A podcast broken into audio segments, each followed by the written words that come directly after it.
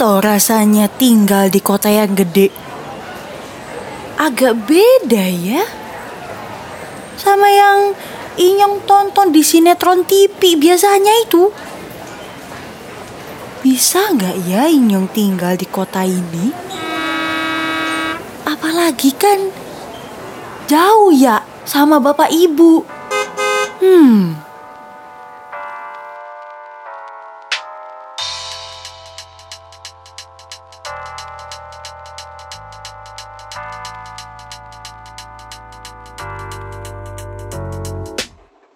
Ignite People, selamat datang di Ignite GKI Podcast, media pemuda GKI untuk saling berbagi, karena sharing is caring.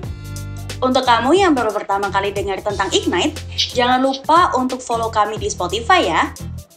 Buat kamu juga bisa main ke platform lain kami, yaitu YouTube dan juga website di www.ignitegki.com. Supaya tetap update dengan konten-konten dan info terbaru dari kami, di follow juga ya Instagramnya di @ignite.gki. Kalau ada ide-ide seru dari kamu atau mau kontribusi di Ignite, langsung aja yuk DM ke kami. Episode kali ini barengan sama saya Inga Firina dari GKI Kutisari Surabaya akan ngobrol asik dengan Kak Yunita dari GKI Kelapa Cengkir Jakarta dan Kak Jeremy Pemulang Jogja tentang culture shock. Sebelumnya kita kenalan dulu yuk sama narasumbernya. Halo Kak Jeremy dan Kak Yunita. Halo, halo. Halo. Gimana nih kabarnya? Puji Tuhan baik sampai sekarang. Baik, baik. Uh, corona gimana? Aman aja? Sehat? Sehat, sehat. Aman, sehat. Kenalan dulu yuk. Mulai dari nama lengkap, nama panggilan, asal gereja lagi, dan kesibukan saat ini. Yang penting nggak perlu makanan favorit, minuman favorit ya, kayak biodata ST, nggak usah. Monggo silakan Kak Jeremy dulu. Oh ya, perkenalkan semua. Nama gue Jeremy Asa Hasiholan. Itu kalau di KTP. Uh, eh, kalau lengkapnya tuh ada stinjaknya di belakang. Jadi kalau nama panggungnya tuh Jeremy Stinjak. Terus uh, sekarang ini lagi di Jogja. Tadi sorry gue benerin dikit. Uh, Sebenarnya GKI Pamulang itu di Banten. Dan sekarang gue lagi di Jogja. Kesibukannya ya. Uh, uh, ya kira-kira ini lagi sibuk liburan sih. Karena belum mulai kuliah gitu. Mantep, mantep. Ngeliatin pemandangan Jogja asik ya. Mm -mm, apalagi pantainya bagus, pantai-pantainya. Oh, iya iya, kulineran juga Jogja murah-murah ya kak ya, bener. Iya. Betul. Boleh Kak Yunita kenalan silahkan. Oke, halo semua. Nama saya Yunita Cendrawati, dipanggil Yunita. Uh, saat ini lagi sibuk uh, sering WFH di rumah karena corona. Jadi makin banyak WFH sebenarnya makin runyam sebenarnya. Karena bisa jadi paralel beberapa meeting. jadi satu zoom, satu zoom di laptop, satu zoom di HP, puyeng jadinya. Multitasking ya benar-benar susah tapi ya. gimana ya ya harus apa nih? Benar-benar Nah, kali ini pengen ngomongin soal culture shock nih. Pasti nggak asing kan ya sama istilah ini. Udah berapa lama sih merantau kakak-kakak ini? Apakah memang aslinya dari Jakarta dan dari Jogja atau gimana gitu? Boleh coba ceritakan pengalamannya. Dari Kak Yunita dulu deh. Okay. Ladies first. saya uh, di sini udah hampir 11 tahun sebenarnya. Lama juga ya. ya. Pertama kali di sini tuh sebenarnya uh, kaget karena sebenarnya di sini tuh kan nggak ada saudara sama sekali kan. Jadi uh. benar-benar baru di sini. Jadi awal-awal tuh saya inget banget hampir satu bulan tuh semua makanan nggak enak di sini. Enggak ini ya rasa sama lidah beda ya iya benar ya, bener, sebulan di sini nggak enak semuanya kan dulu uh, mulai keluar dari rumah maksudnya hidup merantau itu di Jogja kan saya kuliah di Duta Wacana Bukan. kemudian pindah ya terus ke Jakarta kaget makanannya beda di Jogja kan makanan manis semua kan nah di sini nggak manis bahkan kalau minta kan minta es teh gitu kan es teh manis gitu kan atau es teh gitu kan eh dibuatinya kalau kita nggak ngomong es teh tawar dibuatnya Tawar. beda sama yang di yang di Jakarta, eh, di Jogja gitu kan. Jadi semuanya emang beda sih.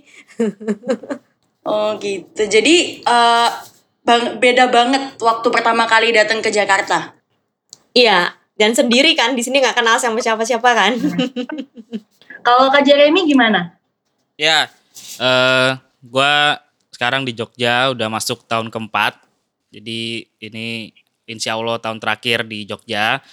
Terus jadi cerita itu gini. Dulu tuh gua sekolah dan lain-lain itu di Jakarta semua. Walaupun rumah di Pamulang, tapi orang tua ngasih semua sekolah tuh ke Jakarta. SMA juga SMA negeri di Jakarta, salah satu SMA negeri. Nah, eh tiba-tiba kuliah lah di Jogja gitu kan. Kayak eh semua hal tuh beda gitu di Jogja ini. Entah tadi mulai dari makanannya, juga mulai dari kebudayaannya mungkin satu-satu beda ini beda ini beda gitu. Ya yang pasti ya sangat sangat kaget sih waktu pertama kali datang sekitar seminggu satu bulan di Jogja tuh beda banget sama di Jakarta gitu. Hmm, jadi memang tukeran ya kalian ya, atau emang janjian gitu? Gimana gimana? Nggak Saya agak tahu. bingung. enggak enggak Emang enggak janjian. udah jalan dari Tuhan benar. Iya. Puji Tuhan. Jadi memang alasan merantau awalnya untuk kuliah begitukah? Iya, karena kuliah. Oh ya, Kak Yunita juga untuk kuliah atau Enggak, gimana? Saya saya kerja di sini. Oh bekerja baik. Iya, kerja. Untuk mencari pundi-pundi rupiah betul? Iya, betul. Menyambung hidup. Menyambung hidup. Kamu hidup. Benar-benar. Nah kalau ngomongin soal culture shock sendiri nih, sebelum pindah atau menetap, menetap di kota sekarang, ada nggak sih ekspektasi atau bayangan tentang kota tersebut? Misal Jakarta nih, ibu kota, rame banget, pasti diisi sama Artis-artis misalnya. Atau di Jogja, pernah bayangin kayak, wih asik nih, tempatnya chill gitu, atau gimana? Mungkin ada ekspektasi yang lebih gede gitu misalnya? Boleh kayak Yunita dulu lagi deh.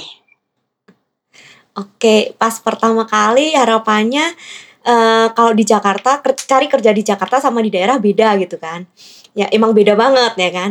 Nah, biasanya kalau di daerah itu mungkin jam 9 aja mungkin eh, saya kan dari Magelang juga sebenarnya sebelum kuliah di eh, Jogja itu kan. Jam 9 aja kan eh, tempat udah sepi kan. Di sini kan masih rame banget ya kan. Jadi bahkan sampai jam 10, jam 11 pun masih rame gitu kan. Awal-awal nggak biasa.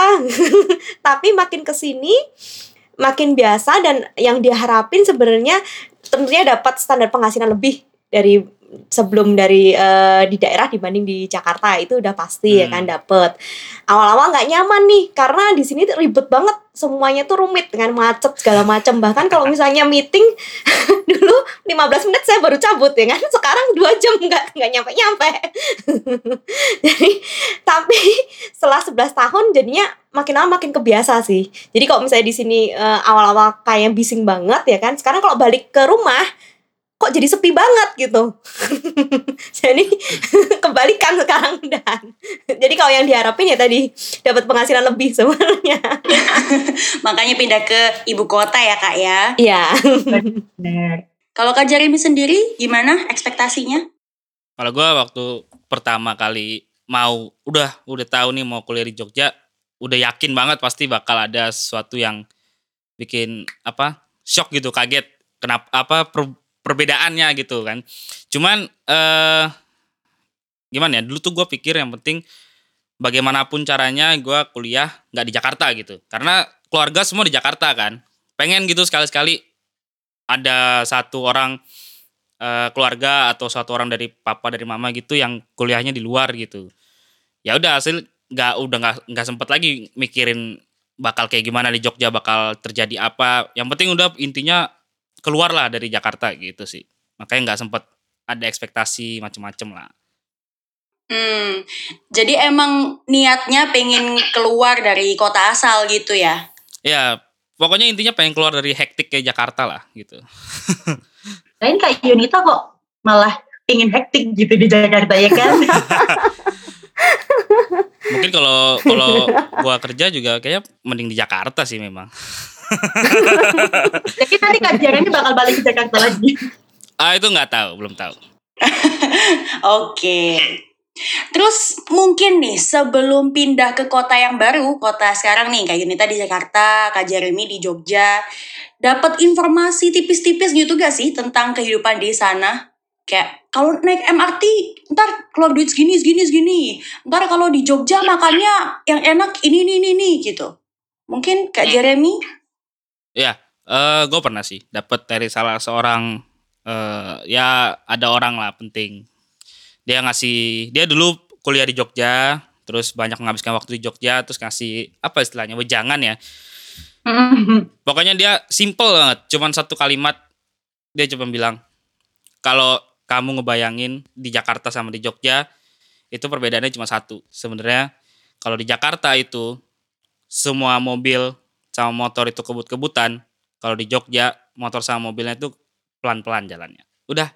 Dia tuh pakai perumpamaan gitu dan setelah beberapa bulan, beberapa semester di sini akhirnya oh ya. Gua ngerti maksud dari perumpamaan itu kayak gimana gitu. Dan itu Gitu. memang benar terjadi ya antara Jakarta dan Jogja. Iya, iya, bener terjadi. Jadi emang bener kelihatan mata langsung ya Kak ya. Mm-mm. Bukan cuma motor mobilnya tapi juga kegiatan orang-orangnya juga kayak gitu. Di Jakarta semua serba cepet, apa apa apa jadi misalkan sekarang jam segini jam setengah empat di sini terus nanti jam 4 harus di sana jam limanya di sana gitu kalau di Jogja enggak santai aja gitu orang pelan-pelan gitu kan. Ah. Hmm. Kalau Kak Yunita, Ya. apakah kebalikannya dari Jeremy ya? Iya kebalikannya. Memang dulu kalau di Jogja emang bener sih. Alon-alon asal kelakon nah ya istilahnya. itu itu peribahasanya Nah kalau di Jakarta ini semuanya in a rush iya semuanya. betul Heeh.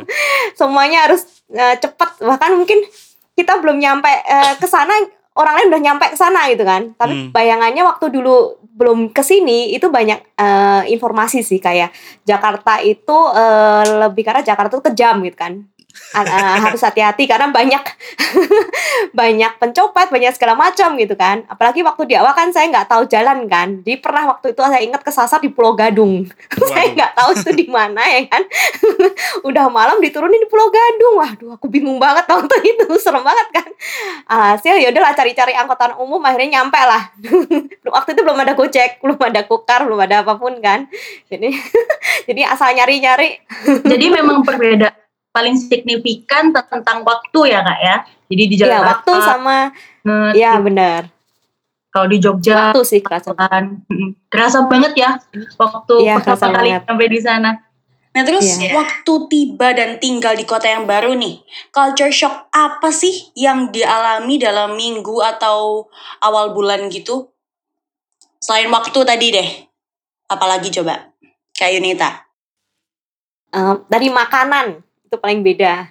Kan Hmm. dulu asin-asin sekarang enggak kan. Terus setelah itu orang-orangnya juga. Jadi mungkin benar tadi yang dikatain Jeremy alon-alon asal takon kan. Di sini kok kita alon-alon kita bakal dimarahin orang. Bakal ketinggalan malah. Bakal ketinggalan. Hmm. Kayak disuruh cepet-cepet ya Kak ya. iya. Benar jadi orang sama makanan yang paling paling syok di sini. Oh gitu. Kalau Kak Jeremy? Eh, yang paling parah sih yang paling kaget tuh kebudayaan sih karena Hmm. gua kan waktu di Pamulang itu ya walaupun di Pamulang tapi sebenarnya cuma lima menit gitu ke Jakarta. Mm, mm, mm. jadi tinggal di komplek di komplek ya. Eh ya komplek-komplek biasa lah menengah gitu. Tetangganya penuh rumah-rumahnya penuh gitu. Cuman ya nggak tahu ya mungkin kalau bagi gua dan dari masa-masa gue SMA dengar cerita-cerita teman gitu itu biasa aja. Kita sesama tetangga tuh nggak nyapa gitu. Ngerti ya maksudnya? Jadi cuman tahu oh ini ada orang di sini gitu. Ini ada ini. Paling ngumpul cuma kalau arisan gitu. Itu pun arisan terus pulang kan. Biasanya ibu-ibu. Benar benar benar. ketika di Jogja gitu yang paling pertama kaget itu sebenarnya gini. Sebenarnya kan gue waktu di Jogja ini waktu pertama kali masuk kuliah itu harus di asrama dulu. Dua tahun. Karena kuliah di Duta Wacana kan ada asramanya. Jadi masuk kuliah pertama masuk itu di asrama jadi belum terlalu kerasa sama tetangganya paling cuma sama teman-teman asrama aja dan ketika sekarang udah harus ngontrak nih kan sekarang dikontrakan mulai tahun lalu itu mulai kerasa banget karena kita kan nempel nih rumah-rumah. Ketika kita pulang gitu, gak tahu ya, gua tuh ngerasa ketika pulang terus lagi mau masuk rumah ada orang ngeliatin tuh gua nggak suka gitu. Kayak apaan sih ngeliatin gitu? Kenapa Ya, sih lu ngeliatin gitu ya kak ya. Ah, dari isinya. Padahal itu ibu-ibu tetangga gitu. Cuman kayak nggak suka gitu kita cuman jalan kok. Mereka lagi ngumpul berlima, berenam gitu ngeliatin gitu. Terus besok gua tanya orang sini kan, orang Jogja sama orang Jawa. Terus dibilang, iya itu tuh mereka nungguin lu nyapa. Oh nungguin nyapa. Ya sapa duluan lah gue bilang kan. Terus mereka bilang nggak bisa gitu Jer. Ini ada adat, ada budaya bla bla bla bla gitu. Wah, waduh gue bilang udah nih gak nggak bisa gitu. Apa? Gue belum bisa nerima gitu gimana orang Iya, tuh berharap untuk disapa duluan gitu dengan cara ngeliatin gitu. Itu sih yang paling kerasa banget kalau di sini budayanya. Tapi akhirnya ibu-ibunya disapa nggak kak? Kadang-kadang sih, kadang-kadang. Kalau kelihatan. Ah, gua apa ya? Sorry ya, sorry nih kalau ada teman-teman orang yang Jawa nih dengerin ini. Sorry banget ya, gua gak biasa gitu nyapa orang yang ya seharusnya nggak usah disapa gitu. Kecuali kan papasan kan. Ini enggak gitu loh, dia tuh dari jauh ngeliatin gitu. Kalau papasan Iya, iya. beberapa kali masih gua sapa. Monggo gitu. Iya Gitu benar. Jadi emang Eh, tapi bener loh. iya kayak itu bener yang Jeremy. Kalau saya di sini awal-awal saya nyapa, dikira orang aneh. Heeh. Paling kan apa sih lu nyapa-nyapa gitu. iya iya. Orang sana kan cuek-cuek soalnya. Iya, karena memang orientasinya mungkin juga beda ya kak ya. Kalau di Jakarta kan Mhm. memang pengen cepet kayak tek tek tek gitu. Kerja ya kerja, ini ya ini, itu ya Mhm. itu. Kalau Jogja kan kayak masih apa ya kalau disebut eh, manner mungkin dia kayak Ya, dia benar. ngobrol, Mhm. nyapa kayak gitu ya. Mm, mm, Hmm, mm. menarik sih. Emang mungkin kalian ketuker apa gimana gitu ya? Keren kayaknya. iya iya. Ini kok ya mumpung pas gitu loh. Mm, mm. Pas tukeran gitu. Mm, mm.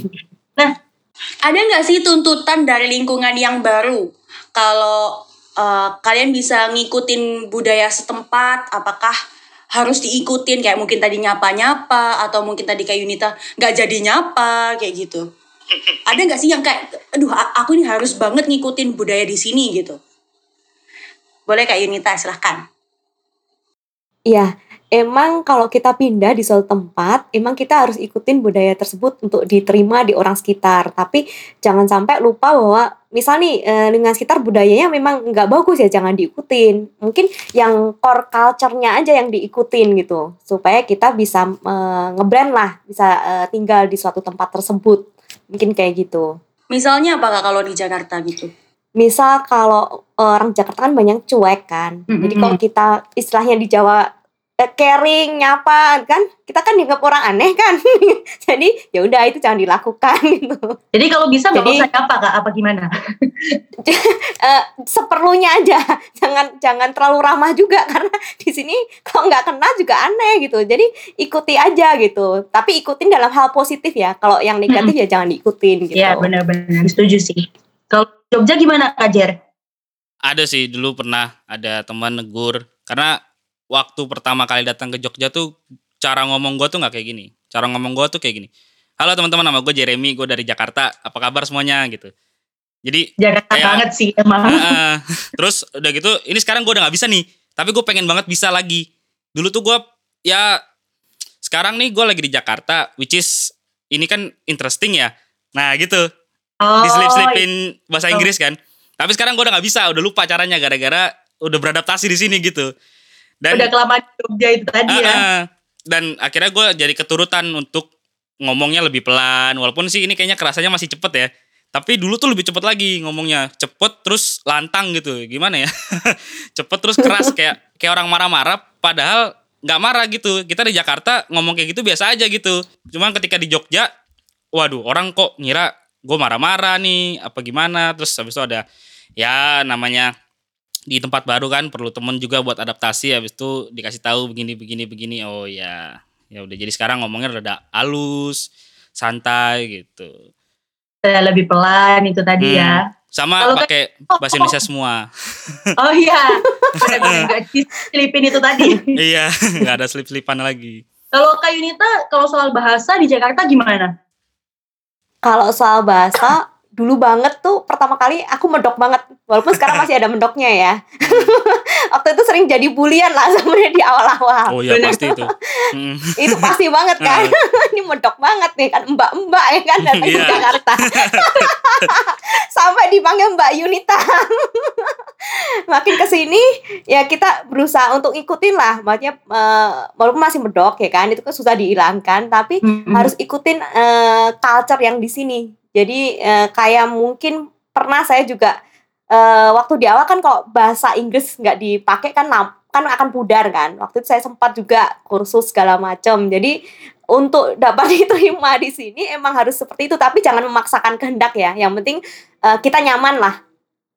Kita nyaman kita pasti akan bisa masuk kok di apa kelompok tersebut gitu.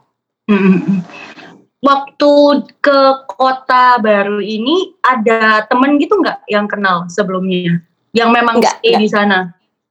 nggak sama sekali makanya waktu di awal tuh saya eh, pertama kali nyari nyari komunitas apa yang saya bisa masuk duluan nih untuk mengenal eh, area tersen eh, di sini di sekitar saya tinggal kan akhirnya saya cari-cari eh ternyata bener juga gereja kan dulu di awal saya dari kecil juga GKI kan saya nyari yang paling deket apa nih GKI di sini ya kan paling deket GKI Kelapa Cengkir jadi saya masuk saya masuk dari pertama kali dari banyak banyak apa ya beberapa uh, kegiatan lah di sana. Pertama kali saya masuk dari paduan suara. Nah, di Cengkir kan banyak kan senior orangnya. Jadi paduan Mhm. suaranya paduan suara tante-tante. Waduh? Emang beneran di sini banyak senior. Jadi masuk ke paduan suara tante-tante. Setelah itu masuk diajak Olive ke pemuda.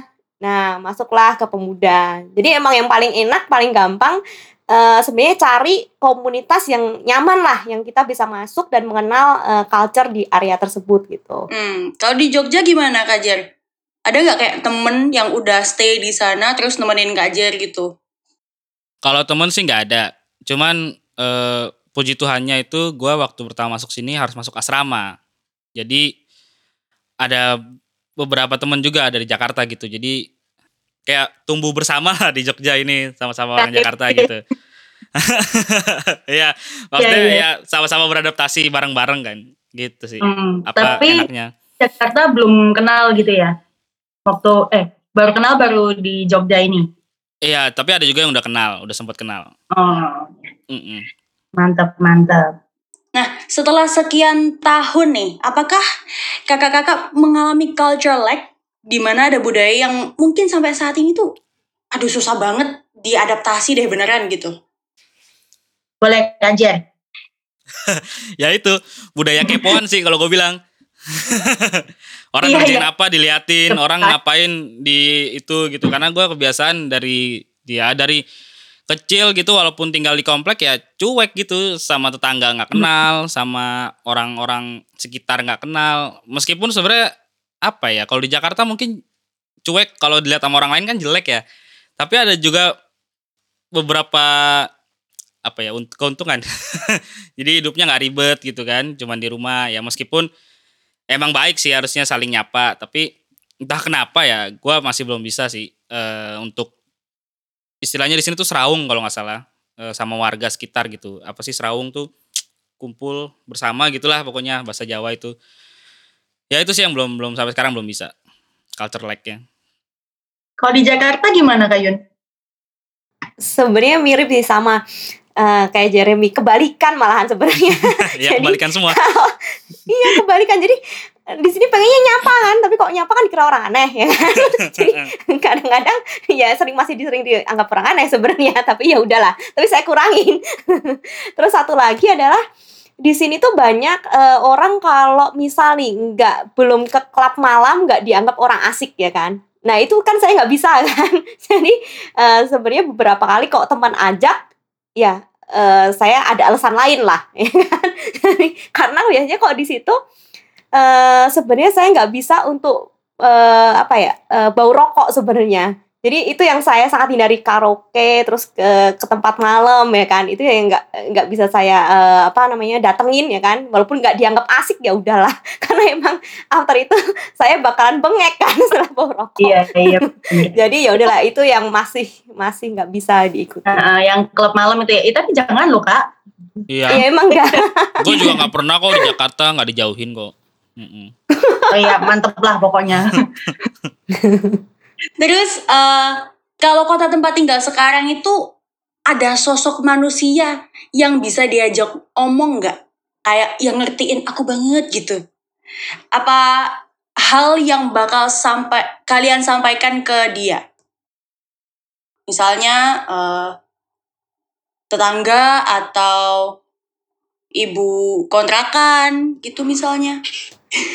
misalnya yang paling ngertiin aku banget gitu. Boleh Kak, Jer deh. Gimana gimana tadi? Sorry. Kalau ada orang yang eh, temen lah misalnya, temen Mm. lekan Kak Jar banget waktu di Jogja, yang bener-bener bisa ngertiin Kak Jar. Hmm. Jadi dari culture shock itu tadi, apa yang Hmm. pengen kakak sampein gitu loh ke dia? Apa ya? Ya terima kasih. Udah ngerti. Iya. ya jangan kapok-kapok lah. Eh, Tapi ada nggak menghadapi- sih eh, orang Jogja yang apa eh, deket sama kakak gitu? Kalau deket banyak. Eh, iya banyak. Ada beberapa lah. Nggak banyak. kan eh, karena karena apa ya? Khususnya angkatan-angkatan gua di kampus kan kebanyak yang orang yang orang Jogja itu cuma satu. Sisanya kan dari luar kota semua gitu. Jadi ya ya cuma satu itu dia. Tapi dia apa namanya? Ya di sini juga tidurnya. Jadi ya udah udah deket banget lah. Tapi dia ya lumayan membantu lah sama ada temen gua juga tapi dia dari Solo dari Solo terus dia juga banyak ngajarin ini begini begini begini kalau di sini begini begini begini oh gini gini ya ya ya gitu sih Mm-mm. Apa yang mau disampaikan ke orang-orang itu? Selain terima kasih ya. ya kalau gue ya mau menyampaikan semoga kalian sehat-sehat lah nanti suatu saat in- insya Allah ada uang ikutlah ke Jakarta satu bulan gitu kita, ya, kita balik kita rasakan gitu Ayo tabung dulu ya kak dari sekarang ya. Ah, ah, iya. Semoga kan ini nanti harga tiket pesawatnya turun kan tiba-tiba gara-gara corona kan. Iya benar-benar. Kalau Kak Yun gimana? Yang disampaikan ke orang Jakarta di sini ya, Mm-mm. ya kan? Eh, lebih ke arah eh, ya sama terima kasih karena mereka mau terima lah kan orang Jakarta itu eh, banyak kan pendudukan penduduknya itu adalah dari orang luar Jakarta sebenarnya ya kan? Jadi kalau nggak ada kita sebenarnya sepi. Kayak contoh Lebaran ya kan? Kalau nggak ada kita kan pasti sepi di Jakarta. Jadi terima kasih udah nerima kita. Jadi ngeramein Jakarta ngepacetin Jakarta. Jadi har- harap sabar lah. Karena kita di awal pasti alon-alon asal kelakon. Tapi after itu kok kita bisa bertahan? Kita bisa Iya. in ras Terus sama Kak, tadi pertanyaannya ada nggak sih temen orang Jakarta yang deket gitu? yang deket temen gereja Olive tadi dari ada kita ada deket satu Olive satu lagi eh, namanya Kapriska Hmm. nah kita berdua sering ya curhat saling menguatkan segala macam Jadi memang komunitas itu tadi ya Kak ya? ya Mantap, mantap. Terus kakak-kakak ini sendiri punya safe space gak? Untuk jadi diri sendiri. Jadi yang kajer dari Jakarta jadi ada safe space untuk tetap jadi orang Jakarta, Kak Yun jadi orang Jogja kayak gitu misalnya. Ada nggak? Kak Yun boleh silahkan. Eh, mungkin lebih ke arah kalau di Jawa Tengah itu biasanya kan dia hidup berkomunitas ya kan dan care satu sama lain. Nah itu yang eh, nggak akan saya ilangin sebenarnya. Jadi makanya dari dari awal saya pasti kalau eh, ke suatu tempat saya cari komunitas dulu yang buat saya mengenal dan saya nyaman sehingga bisa saya ma- masuk ke dalam lingkungan tersebut. Nah itu yang nggak akan saya lepas sebenarnya. Mantap, mantap. Jadi kuncinya tadi komunitas itu ya Kak ya? Ya. Kalau Ya, Kak gimana? Kalau gue sih eh, kalau safe space ya di rumah sih paling aman karena bisa mengutarakan semuanya kan di sini. Dan kami kan di sini bersebelas satu rumah satu angkatan eh satu kampus ada beberapa angkatan. Tapi kami di sini udah tahu gitu ini orang dalamnya kayak gimana busuk-busuknya gimana plus minusnya udah gimana udah saling kenal. Jadi kita mau mau ngeluarin apa adanya juga nggak apa-apa gitu kan. Di sini ada misalkan gua dari Jakarta terus ada yang orang Jawa ada juga yang dari Sumba gitu. Nah itu udah ya jadi di sinilah tempat paling aman untuk mengeluarkan apa ya kayak ke Jakartaan gitu ya tapi ada batasnya jam 10 malam karena kalau di atas jam 10 kita kan biasanya masih teriak-teriak ya warganya protes juga gitu marah-marah karena berisik Iya iya. Emang culture shock itu tadi ya. Mm-mm, mm-mm, mm-mm. Menurut kakak-kakak juga nih, mana yang paling penting? Tetap menjadi pribadi yang otentik atau adaptasi pada lingkungan yang baru? Kak Jar, silahkan. Eh, kalau gua sih mungkin ini ya 50-50 lah tergantung kebutuhan. Jadi tetap jadi pribadi yang otentik tapi tetap meng- meng- tetap beradaptasi dengan lingkungan. Jadi jangan sampai eh gimana ya? Jadi jangan sampai ketika gua ketemu sama teman lama gua, dia udah bilang, "Eh, ini bukan Jeremy yang gua kenal nih." gitu. Jadi ada saatnya jadi tahu waktu kan, right man in the right place in the right time. Tahu di sini harus bagaimana, di kampus harus bagaimana, di gereja harus bagaimana, ketika pulang ke Jakarta di rumah harus bagaimana, di rumah opung harus bagaimana, bagaimana gitu. Kalau gue sih yang penting prinsipnya tahu tempat, tahu waktu sih gitu. Kalau Kayun? Ya, saya setuju sama eh, Jeremy. Jadi emang kita tetap harus eh, apa namanya beradaptasi dengan lingkungan. Kalau enggak kita nggak ke- bakalan diterima dan nggak bakal nyaman ya kan. Tapi otentitas eh, apa otentik dari diri sendiri atau keunikan diri sendiri itu emang nggak boleh hilang. Karena kalau enggak waktu kita balik ke daerah kita kita nggak dikenal. Lo ini Hmm. siapa gitu kan. Iya betul betul. Jadi setuju dengan Jeremy. Benar-benar. Jadi nggak ada prefer mana ya kak ya. Jadi mending 50-50 aja. Oke mantap dah. Ya memang perlu gitu juga sih ya nanti kayak nggak kenal siapa ini. Terus waktu balik ke kota asal kayak, ih kamu bukan orang yang aku kenal. Bener tadi kayak kata Kajar sih, bener-bener. Setuju. Terus nih, ada nggak sih tips and trick buat ignite people mungkin? Kalau ada ignite people yang pingin merantau atau baru akan merantau atau sudah merantau gitu, tips and trick mengenai culture shock atau culture lag misalnya? Kak Yun boleh silahkan. Eh, kalau kita mungkin tipsnya begini, kalau kita eh, udah mengambil keputusan ke tempat yang baru, ya kan, eh, jangan sampai menyerah untuk yang kesulitan di awal, karena masing-masing orang mempunyai kesulitan masing-masing lah, pasti itu. Tapi yang beda itu adalah cara dia eh, solve dari masalah itu, cara dia eh, menyelesaikan masa- masalahnya. Jadi eh, kalau eh, oh, teman kita misalnya pindah ke kota lain, ya pertama eh, jangan nyerah. Kedua, anak rantau tuh eh, haram hukumnya untuk sakit.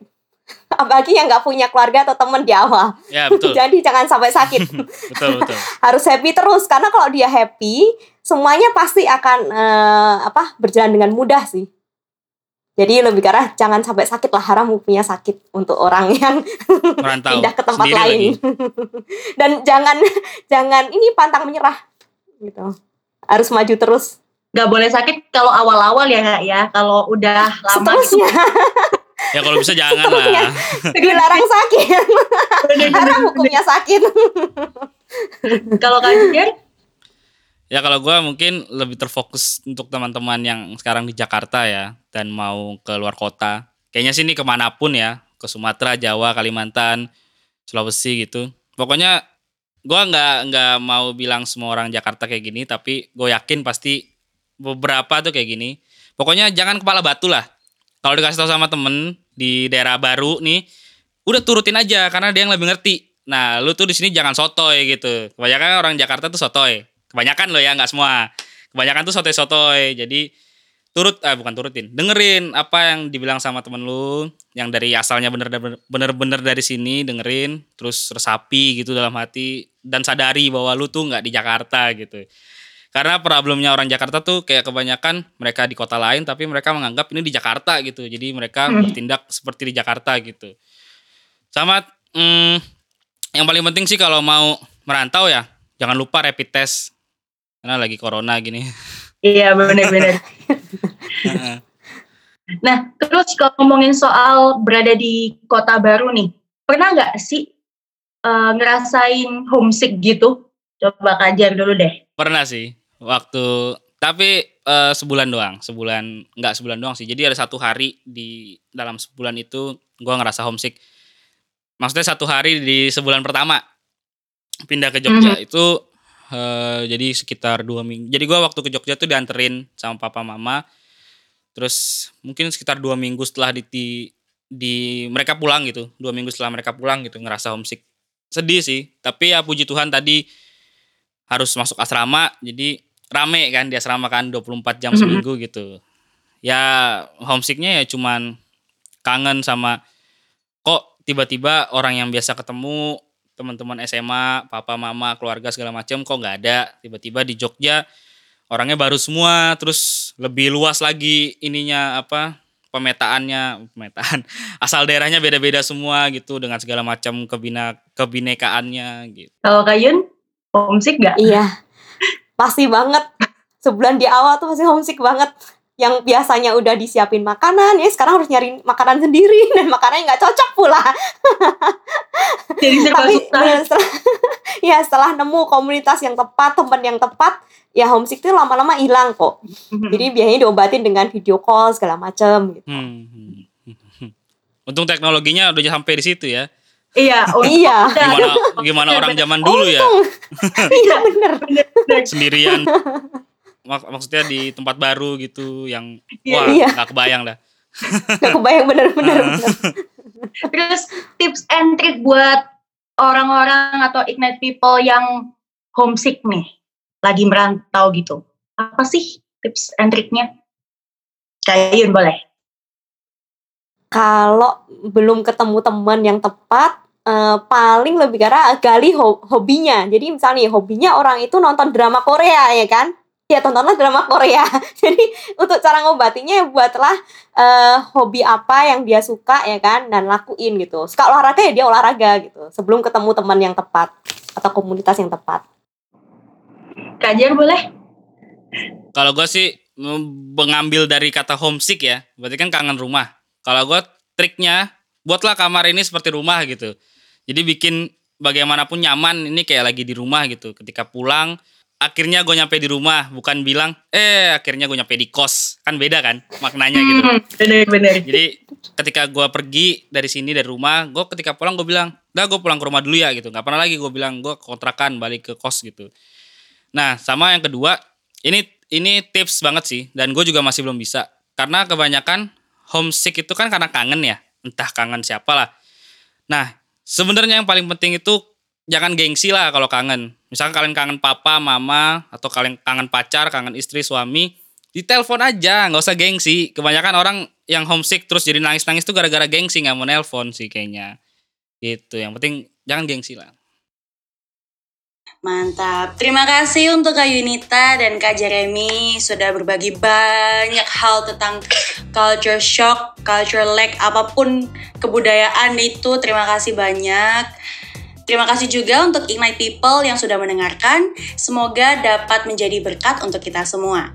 Jangan lupa untuk share podcast ini kalau kamu merasa terberkati.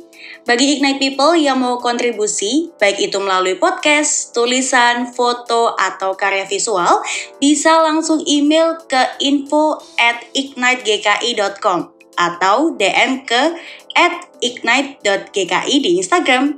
Sampai jumpa di Ignite Podcast berikutnya. Bye-bye!